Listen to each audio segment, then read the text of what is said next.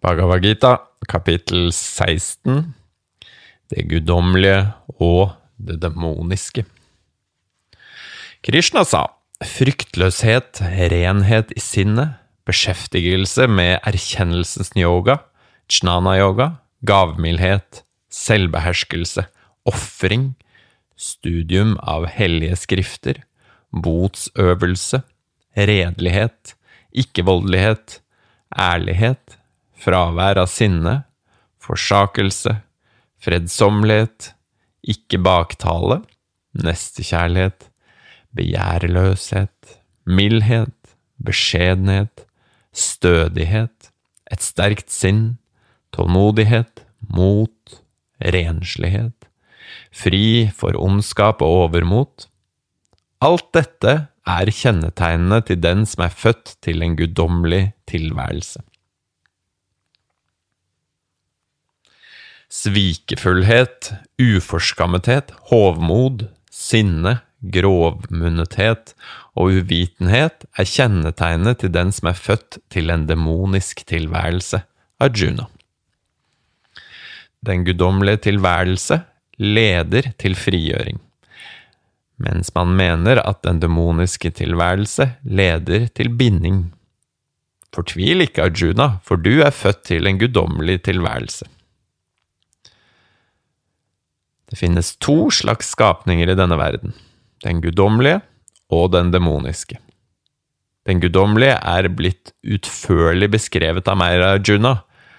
La meg nå fortelle deg om den demoniske. Demoniske mennesker vet ikke når de skal handle, eller når de skal la være å handle. Verken renhet, god oppførsel eller sannhet finnes i dem. De demoniske menneskene sier, Verden er uten sannhet, uten grunnlag, uten Gud. Verden er skapt av forening mellom mann og kvinne, så hva annet enn begjær kan være dens årsak? Siden de har dette synet, blir disse sjelløse og uvettige ugagnsmennene fiender av verden og vil ødelegge den.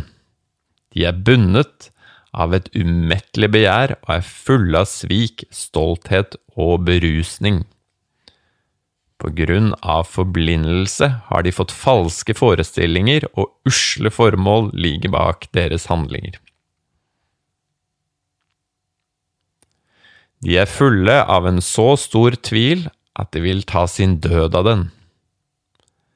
De har tilfredsstillelse av sine begjær som sitt ytterste mål og er overbevist om at det er det eneste som finnes. De er bundet av hundrevis av forhåpninger og er hengitt til begjær og sinne. De søker å tilrane seg mengder med rikdom for å tilfredsstille sine begjær. Dette har jeg skaffet meg i dag, og dette skal jeg oppfylle. Dette er mitt og denne eiendelen skal jeg ha. Denne fienden er beseiret av meg, og jeg skal overvinne andre også. Jeg er lederen, jeg er nyteren, jeg er vellykket, mektig og lykkelig. Jeg er rik og av edel byrd, hvem er som meg? Jeg skal ofre, jeg skal gi, jeg skal være lykkelig. Slik tenker de, forblindet av uvitenhet.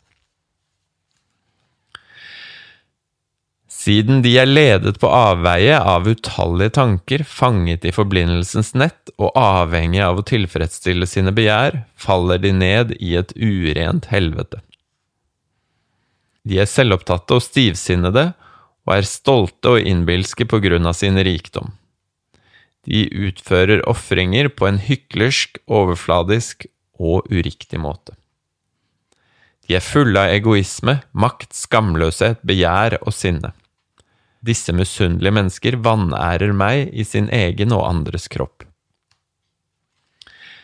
Disse hatefulle, grusomme, onde og nedrige menneskene kaster jeg stadig inn i demoniske livmorer i tilværelsens kretsløp, samsara.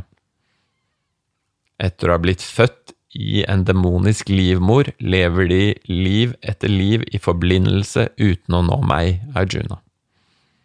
De ender opp i en enda lavere tilstand. Helvete har tre porter. Begjær, sinne og grådighet. Alle er ødeleggende for selvet og må unngås. Det mennesket som har forlatt disse mørkets tre porter, kjære Arjuna, gjør det som er best for selvet, og oppnår deretter den høyeste tilstand.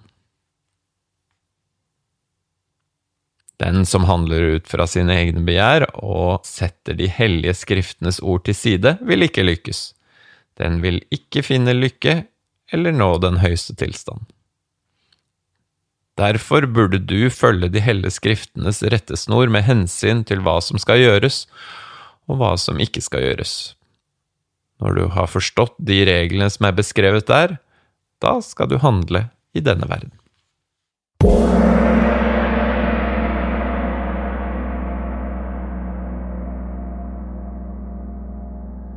Bhagavad Gita er oversatt av Lars Christian Ims. Takk for det.